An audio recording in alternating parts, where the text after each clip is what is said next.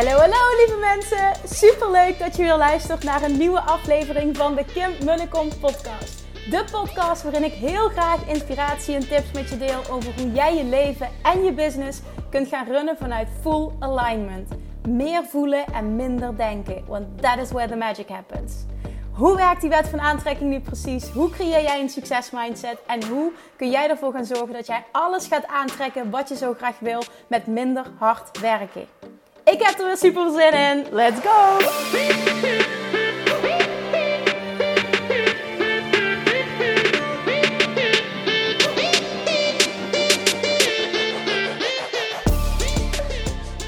Hey, hey, hey! Het is weer podcast time! En in het bijzonder is het weer interview time.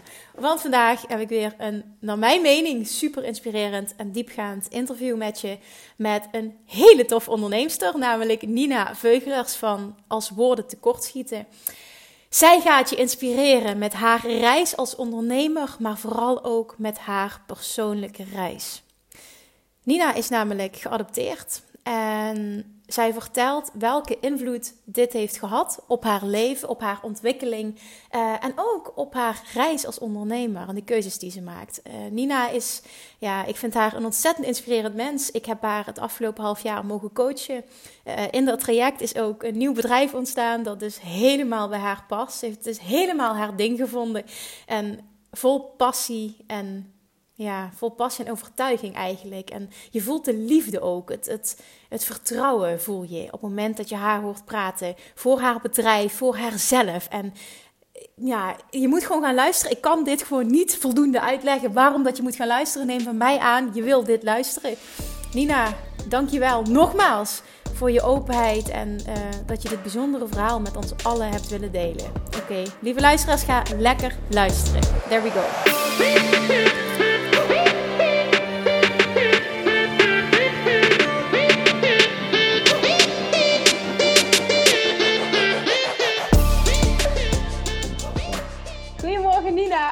Goedemorgen.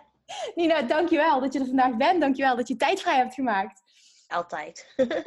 Altijd? Je hebt het toch, ja, je hebt toch helemaal niet druk, hè? Je hebt, je hebt heel weinig te doen over het algemeen, toch? Ik doe niks. Nee, daarom. Daar komen we zo meteen wel even op. Ja. Nina, um, voor degene die nu luistert. Wie, wie ben je? Wat doe je? En uh, ja, wat heb je met de, de Law of Attraction? Um, ja, ik ben dus Nina en ik ben getrouwd met Toon. We hebben twee kindjes, hele leuke vind ik zelf. Colin en Ian. En um, ik woon in Nune, een dorp vlakbij Eindhoven. En um, wat doe ik? Ik uh, werk nog in loondienst, 27 uur per week, voor een hele grote verzekeraar. Niet lang meer. Wat zei je? Niet lang nee, meer. Nee, niet lang meer. en uh, daarnaast heb ik drie ondernemingen. en ik ben, uh, de reden waarom ik met de wet van de aantrekkingskracht Love Attraction in aanraking ben gekomen, is eigenlijk uh, al vanaf dat ik heel klein ben. En dan heb ik het echt over heel klein. Uh, dat ik zeg maar net geen baby meer was. En dat is omdat ik geadopteerd ben. En ja, dat is best wel een bijzonder verhaal eigenlijk. Hoe, hoe oud was je? Ik was anderhalf toen ik geadopteerd werd. Oké, okay, oké. Okay. Ja. Kun je dat, kun je dat hè, ja, wel uitgebreid, maar redelijk kort vertellen wat, hoe dat is gelopen allemaal. Ja, oké. Okay. Uh, dan moet ik even wel iets ervoor vertellen. Mijn ouders, uh, ik, oh ja, even voor duidelijkheid. Als ik het heb over mijn ouders, dan heb ik het dus over de ouders die mij geadopteerd hebben. Want oh, dat, dat zijn voor mij. Ja, dat zijn voor mij mijn ouders. En mijn zussen zijn ook mijn zussen. Dus niet de biologische zussen, maar voor mij zijn ze wel mijn zussen. Dus ja. als ik het over ouders en zussen heb, is dat allemaal niet biologisch, maar wel logisch.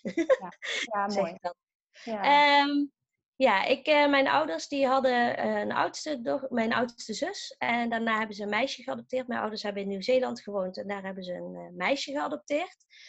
toen ze terugkwamen naar Nederland na een paar jaar, want ze hebben daar een paar jaar gewoond, ehm, bleek dat het meisje wat ze geadopteerd hadden, dat die niet kon lopen en ook nooit zou kunnen lopen. ze heeft zo'n erge spasme in haar benen. Um, waardoor ze ja, dus niet kan lopen. Uh, toen kregen ze nog een kindje, mijn ouders. En um, toen dachten ze van ja, wie zijn wij om niet eigenlijk nog een kindje te adopteren? En dan het liefst uit een derde wereldland, wat ook nog eens gehandicapt is. Um, want in een derde wereldland heeft dat kindje geen toekomst. En bij ons heeft een kindje wel een toekomst. We hebben goede ziekenhuizen. En we hebben ons huis toch uitgebouwd voor de, voor de ene oudste. Dus ehm, ja, we willen nog wel een kindje adopteren. Um, toen zei ze, ja, dan gaat dat allemaal heel officieel. Dat duurt ook een aantal jaar voordat je een kindje mag adopteren. Uiteindelijk kreeg ze bericht dat ze een meisje mochten adopteren in Colombia. Een meisje zonder uh, vingertjes en zonder teentjes. Uh, dus mijn ouders zijn naar uh, Colombia gegaan. En eenmaal daar aangekomen wilden ze geen, de oma toch geen afstand meer doen van het meisje. Ehm, en dus stonden ze daar.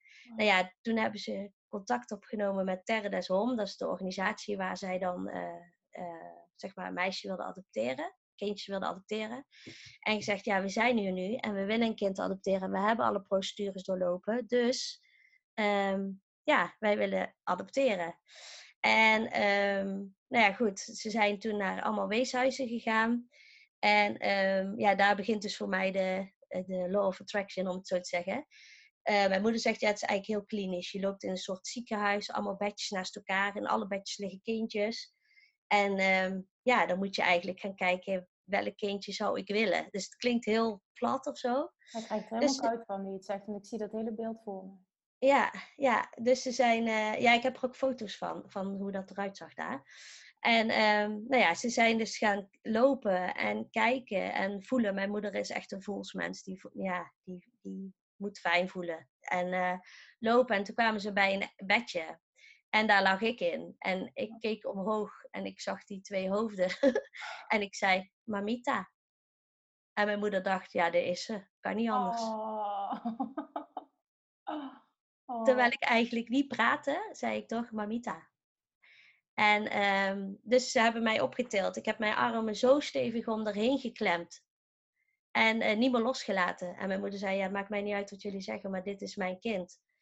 En uh, toen zei ze, ja, sorry, maar dit meisje is zo ziek. Dit meisje is zo ondervoed. Dit meisje, dat, uh, dus de vraag of ze überhaupt zo'n lange vlucht aan kan, overleeft. Oh. Um, want ik was ook helemaal uitgehongerd, dus ik had een heel dik buikje. Mijn haarkleur was weg.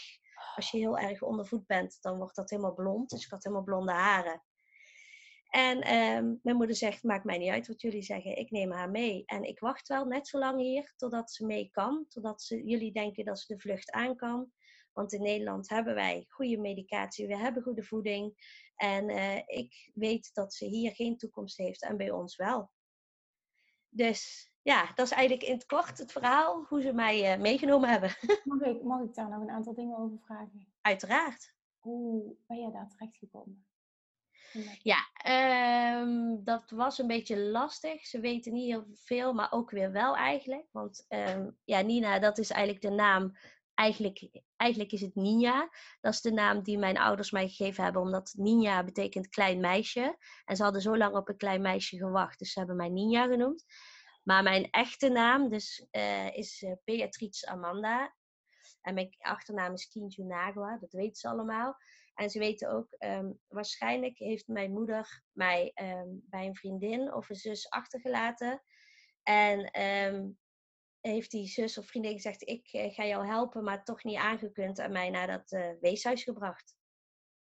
En het moeilijke is wel, en dat is het lastige in die derde wereldlanden, is dat heel vaak mensen het, de kinderen tijdelijk afstaan. En het lastige is dat een kind dan niet geadopteerd mag worden, bijvoorbeeld, omdat een ouder echt officieel afstand moet doen. Oh, ja. En vaak gebeurt er niet, waardoor kinderen heel lang in een weeshuis blijven. Nou, dat is, is voor mij jou niet... wel gebeurd? Nee, jou hebben ze wel afstand gedaan? Ja, ja. Dus ik, uh, ja, da daardoor ben ik daar gekomen. Maar omdat ik zo slecht was en zo ondervoed was, ik was eigenlijk seconden aan in Nederland dan aan mijn. Er was een beetje twijfel over mijn leeftijd. Omdat ik echt eruit zag als een kind van drie, vier maanden. Doordat ik zo'n slechte voeding had gehad en zo ondervoed was. Uh, maar aan de fontanel op mijn hoofd, uh, konden ze, die was al dicht. En konden ze schatten dat het toch wel ongeveer anderhalf jaar moet zijn geweest.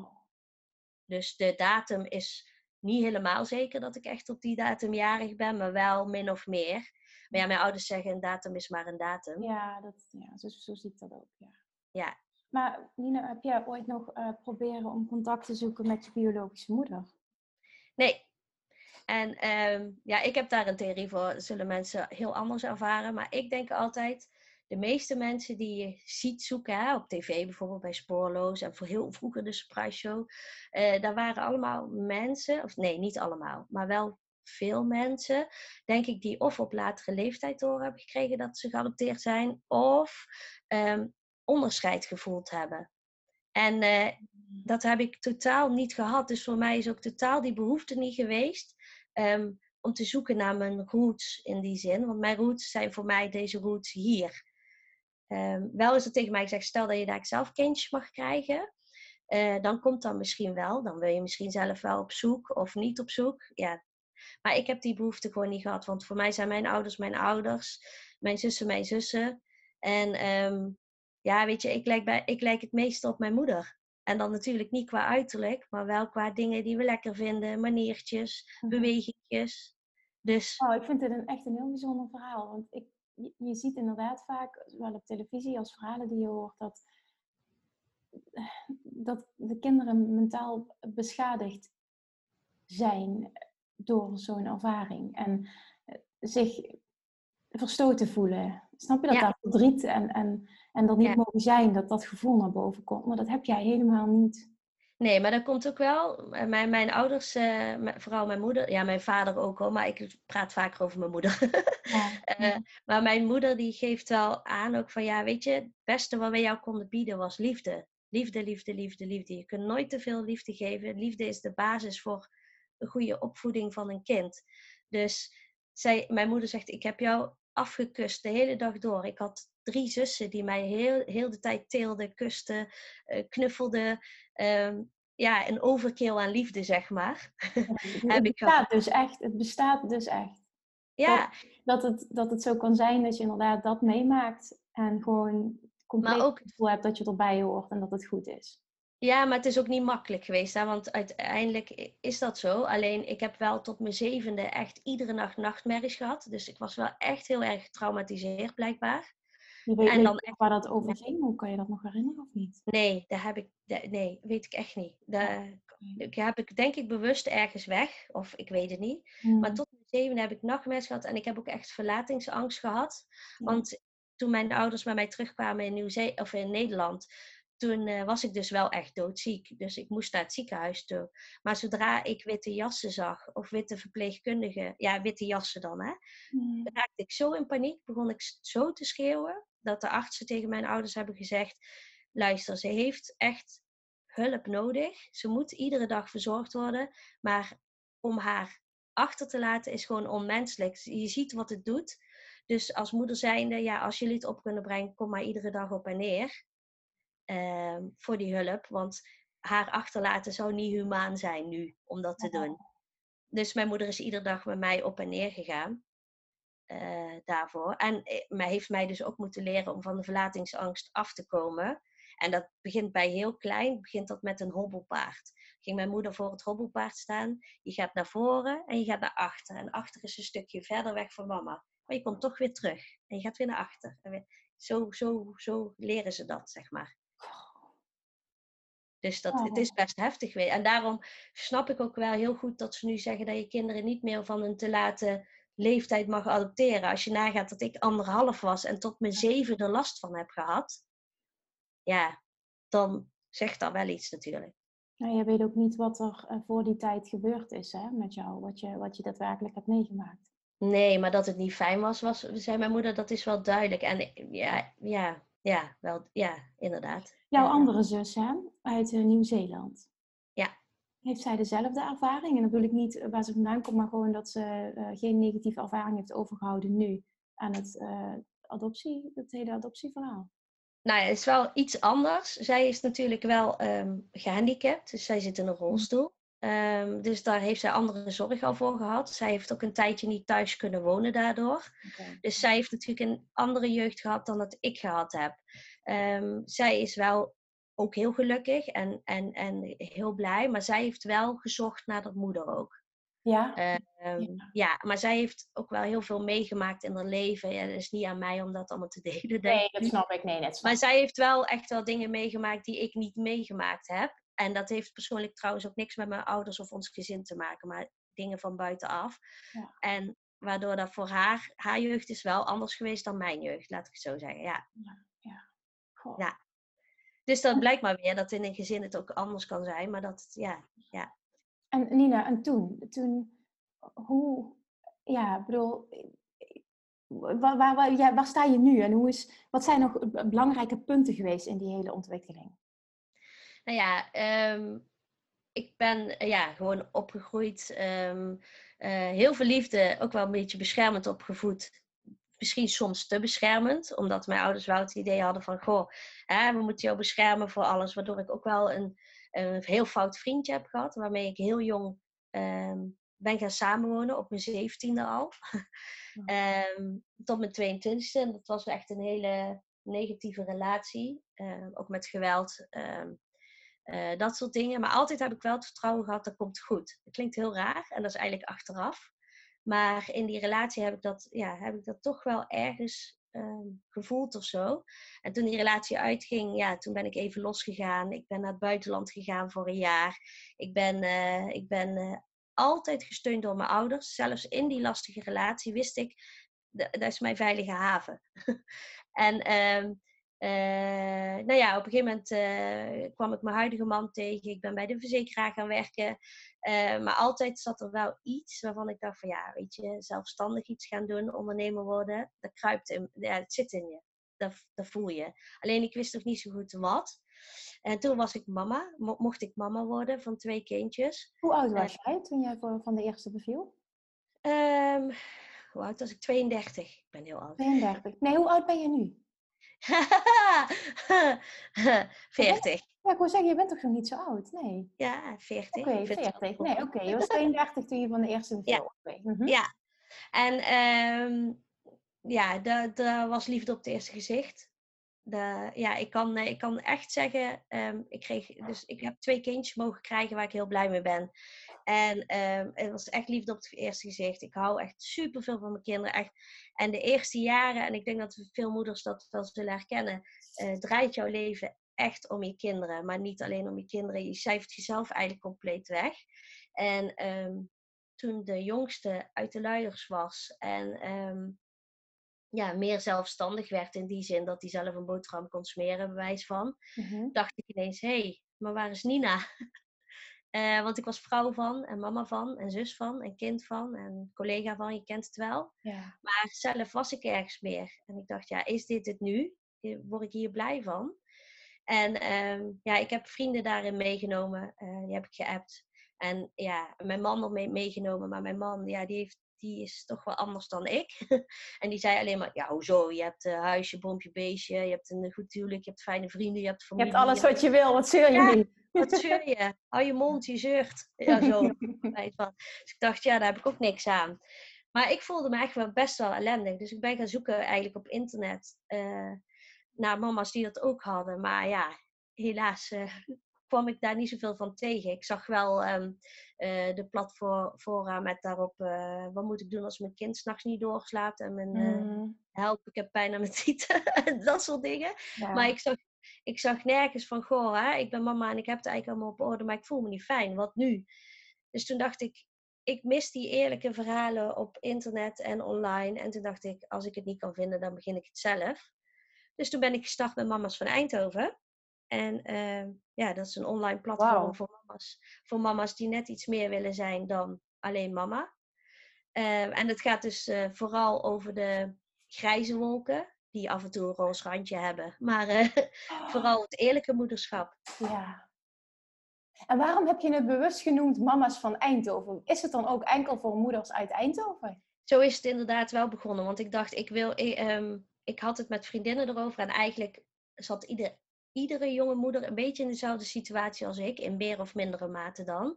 Maar allemaal wel van, is dit echt mijn leven? Draait dit echt alleen om de kinderen? En en toen dacht ik, ik wil iets lokaals. Dat ik ook lokaal naar ah, ja. dingen ga doen. Dus dat ik lokaal bedrijven kan promoten waar, waar ja. mensen naartoe kunnen. Maar dan voor de moeders zelf. En dat ja. kan moedertijd zijn alleen. Dat kan moedertijd zijn met vriendinnen. Dat kan moedertijd zijn met, met, met de man. En ook af en toe met de kinderen. Maar vooral ook wel het moeder zijn. En ook met eerlijke blogs. Ik heb bloggers, ehm, ik had vijf bloggers die voor mij bloggen. En die schrijven allemaal over eh, hoe zij het moederschap ervaren. En dan vooral ook over de eerlijk moederschap. Dus het gaat bij ons ook over dat je.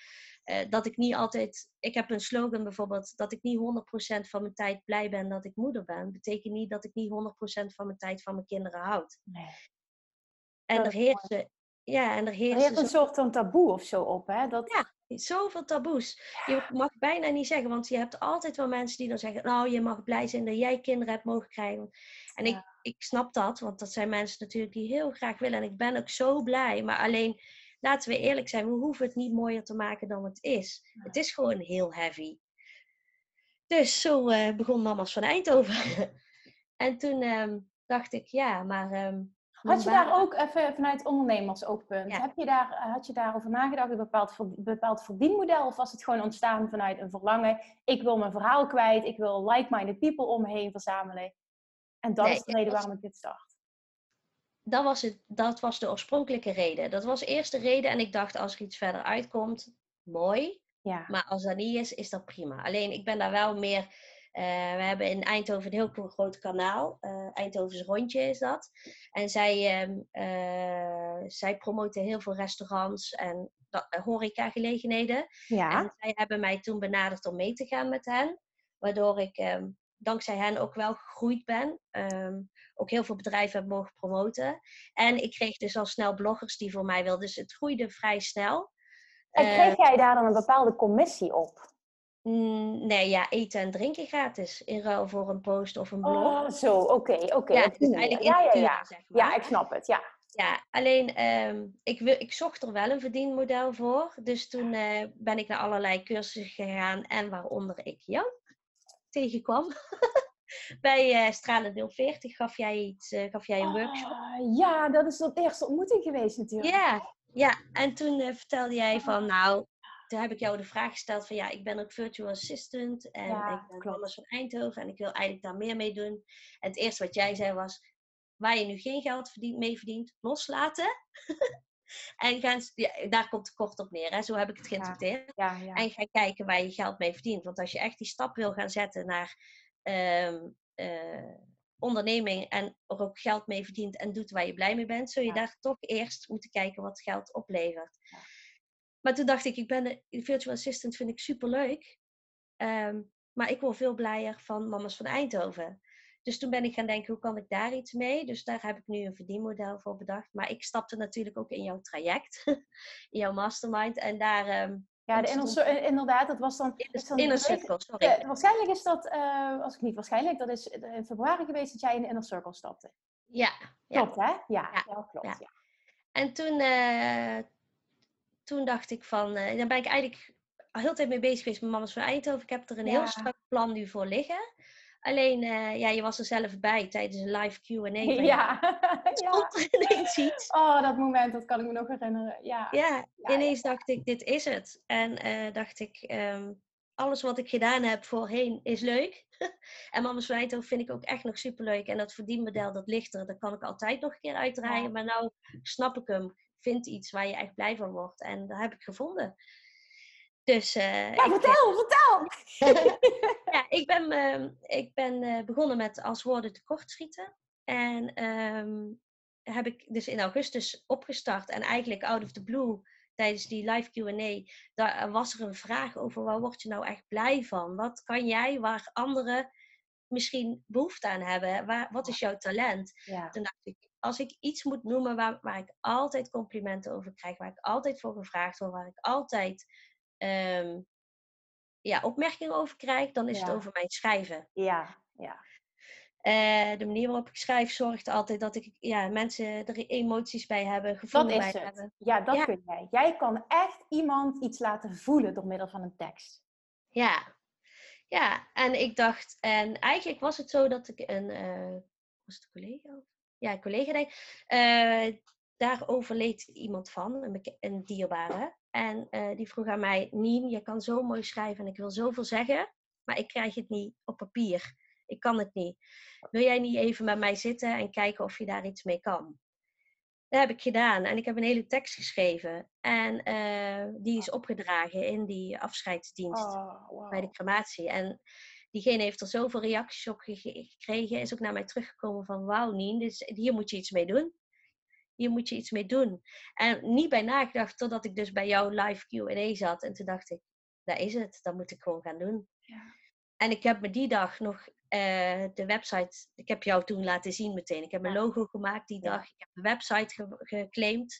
Domeinnaam geclaimd. Ja, ja. En ik dacht, eh, meteen een Instagram geopend. Ja, dat is echt zo cool. Je hebt meteen actie ondernomen. Oh, dat moment kan ik me ook nog herinneren. Fantastisch. Ja, omdat ik in dat moment zat. Ik was Ja. helemaal ineens van, dit is het.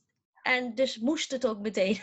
Want ik denk, als ik het nu niet doe en het laat liggen, dan wordt het weer iets... Precies, en dan heb je het over inspired action. En dan lijkt het ook wel, en het ook, uit het zich ook, dat het allemaal stroomt. Ja, precies. Dus toen, eh, toen eh, ben ik de Instagram begonnen. En eigenlijk, jij hebt mij een naam doorgegeven van iemand. Ja, En ik ben allemaal uitvaartorganisaties gaan volgen en mensen die erover schrijven. En ehm, ik heb ondertussen achter de schermen een website gemaakt. En ehm, ja, nu besta ik. Ik heb Die staat live, hè? Wat is de, wat is de Ja. domeinnaam van de website? als woorden tekortschieten.nl. Perfect. Ja, die ik, En ik op heb jou even Instagram. laten benoemen. Maar dat is zo'n mooie naam, als woorden tekortschieten.nl. Ja. Ja. En ehm, ja, ik ben nou al. ehm, ja, ik ben ook. Volgens mij heb ik me die dag, die, die dag dat wij die eh in een cirkel live QA hadden, ben ik me ook meteen aangemeld. Of heb ik me ingeschreven bij de KVK. Tenminste, heb ik de afspraak gemaakt. En ik dacht, ik pak het allemaal nou meteen en ik doe het. love it, echt waar. Ja. Oh, ja. ja, en ik heb, eh, ik heb daarna meteen alle vrienden en kennissen en iedereen eh, van op de hoogte gebracht dat ik dat ging doen. En iedereen zei, oh, dit is fantastisch, dit ben jij. Dit Echt, ja, dat is het, er eerder ben- mee bent begonnen. En ik dacht ook, ja, waarom niet? Ja, nu klikte het. Nu kwam het op je pad. Ja. Nu moest het zo zijn. En nu kwam alles samen. En, en, en fast forward, forward tot, tot vandaag, hè? Op dit Ja. moment staat de website live. Ja. Dat betekent dus dat, stel, er luistert nu iemand. Jij werkt niet lokaal, hè? Je werkt echt... eh, Ja, ik heb verschillende pakketten. Ik heb verschillende pakketten. Dus je kunt online met mij. Wil je daar eh, wat over vertellen? Want daar ben ik ook wel heel Ja? benieuwd naar. Wat is je Ja, ik heb drie verschillende pakketten. Ik heb een, eh, een basispakket, zeg maar. Daarin kun je dus online je aanmelden. Dan krijg je van mij een vragenlijst toegemaild. Daar geef je antwoord op die vragen. En op basis van die vragen eh, maak ik een tekst. En die mail ik naar je. Die heb je dan binnen 24 uur nadat ik jouw eh, vragenlijst heb ontvangen. Wauw. Dus dat is de basis. Dan hebben we eigenlijk niet echt contact. Alleen middels de e-mail en vragenlijst. Ja. En dan heb ik een middelpakket. Ja, ik noem het sterren. Want dat vond ik wel toepasselijk. Omdat eh, sterren, ook de overlijden, sterren Ja. aan de hemel wordt Ja, ja. Dus ik heb een één sterrenpakket. Dat was, was wat je net hoorde. Dan heb ik twee sterrenpakketten. Dat is eigenlijk is ook online. Alleen dan heb je wel met mij contact via Zoom of via Skype. ja. Eh, en dan praten we gewoon aan, aan de hand van het gesprek wat we hebben, de afspraak die we hebben. ehm, schrijf ik een tekst. En die heb je dan ook weer binnen 24 uur na die afspraak. En de derde is dat ik echt naar je toe ga. Dus of op een locatie wat je wil, of bij Ah. je thuis. ja. En dan, ehm, ja, en dan eh, binnen 30 kilometer van Eindhoven is het eh, inclusief reiskosten. En daarbuiten Ja, reken ik ja. wel iets voor de reiskosten. Maar ja, Wat Dus dat- mooi dit. Dan kan iemand echt kiezen van wat voelt voor mij het beste nu en waar heb ik behoefte aan. precies. Ja, Oh, wat mooi dit, Nina. Wat mooi dit. Echt waar. Ja. ja, ik ben er ook heel blij mee. Het voelt ook echt heel goed. Nou, maar ik denk dat het, dat, het, dat het eh, onderschat wordt hoe fijn het kan voelen voor, voor de achtergeblevenen. maar ook voor, ja, de, voor de persoon zelf die wat wil zeggen en die eigenlijk heel veel te zeggen heeft, maar het gewoon niet mooi, hoe die het graag wil, op papier krijgt. Ik denk dat heel veel mensen daarmee struggelen. En als je Ja. daar hulp bij kan krijgen, dan zijn het nog steeds jouw woorden. Alleen jij giet het in een mooi hè, in, een, ja, in een mooie vorm, waardoor het allemaal klopt. Terwijl in essentie is het wel het verhaal van diegene die het wil vertellen. Daar, daar komt het op neer, toch? Ja, zeker. Ja. Ja. als je benieuwd bent hoe zo'n tekst eruit ziet. Ik heb op mijn site ook een voorbeeldtekst staan.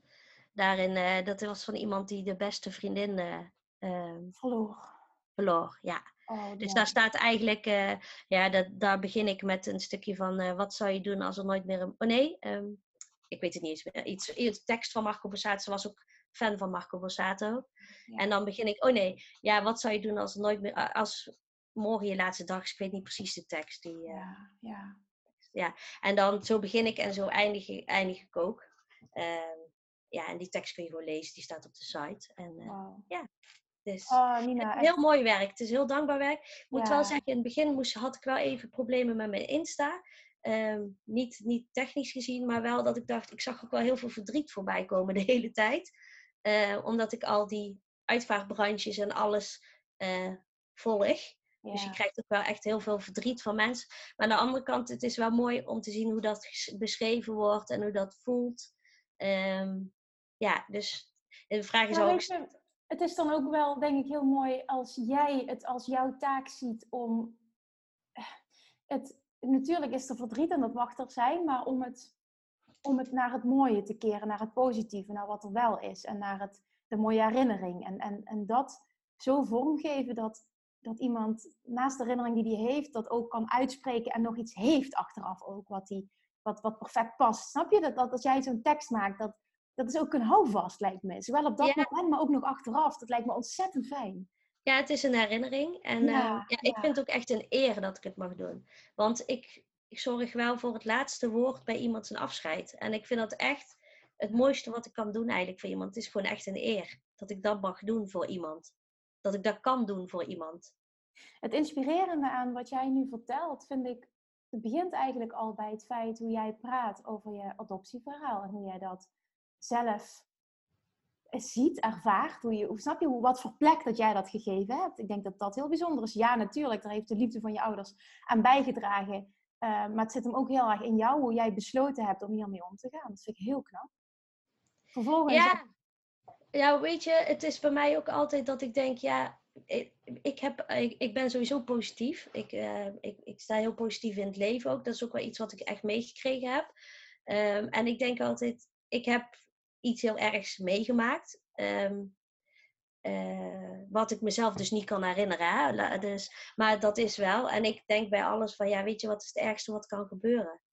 Er is altijd, komt altijd wel goed of zo. Dat is mijn overtuiging. Wat is het ergste dat kan gebeuren? ja, waarschijnlijk ervaar je dat dus ook altijd zo. Dat het altijd Ja. goed komt. Ja. Nou, maar het, het komt ook altijd goed. Het is ook zo, het is ook zo, maar het is, het is nog steeds een bepaalde levensinstelling die je echt dient, die je helpt. En dat is, dat is echt heel bijzonder aan jou. En Ja, dat, ik voelde dat al inderdaad toen wij elkaar in februari ontmoetten. Dan voel je een bepaalde vibe bij iemand. Hè? Je had nog niet helemaal helderheid, maar je voelt wel een bepaalde... Ja, je, is dat hoe iemand in het leven staat? Dat voel je. Ja. Dat voel je, de uitstraling die iemand heeft. Nou, Ja. Dat en toen... Uiteindelijk heb jij echt ook ja gezegd tegen het ondernemerschap en stappen zetten en voor jezelf kiezen. Ondanks misschien een partner die zegt, ja, wij, Nina, wat zeur je nu? Snap je? Jij voelde dat. En ja jij- hij zegt hobbytje, hè? ja, Hobbytje. Oh, hou op, hou op. Weet je, en, je hebt het toch doorgezet. Je hebt vervolgens Ja. gekozen om het heel serieus aan te pakken en om jezelf te, in jezelf te investeren. Ook Ja. dat is een volgende stap en enorm veel credits daarvoor. Want ja, heel veel ondernemers durven dat niet en blijven in het, in het veilige hangen, maar dus daardoor niet creëren wat ze willen. Ja, En toen vervolgens ben je nog meer gaan voelen van wat is het nou echt wat bij me past. En je Ja. hebt het jezelf toegestaan om te switchen, om voor het nieuwe te gaan, om, hè, om die inspiratie te laten spreken en erop te handelen. En daar is dit uitgekomen. ja, zeker weten. En ik denk dat jij nu voelt, op dit moment in mijn leven is dit precies waar ik moet zijn en wat ik wil doen. Zeker weten, ja.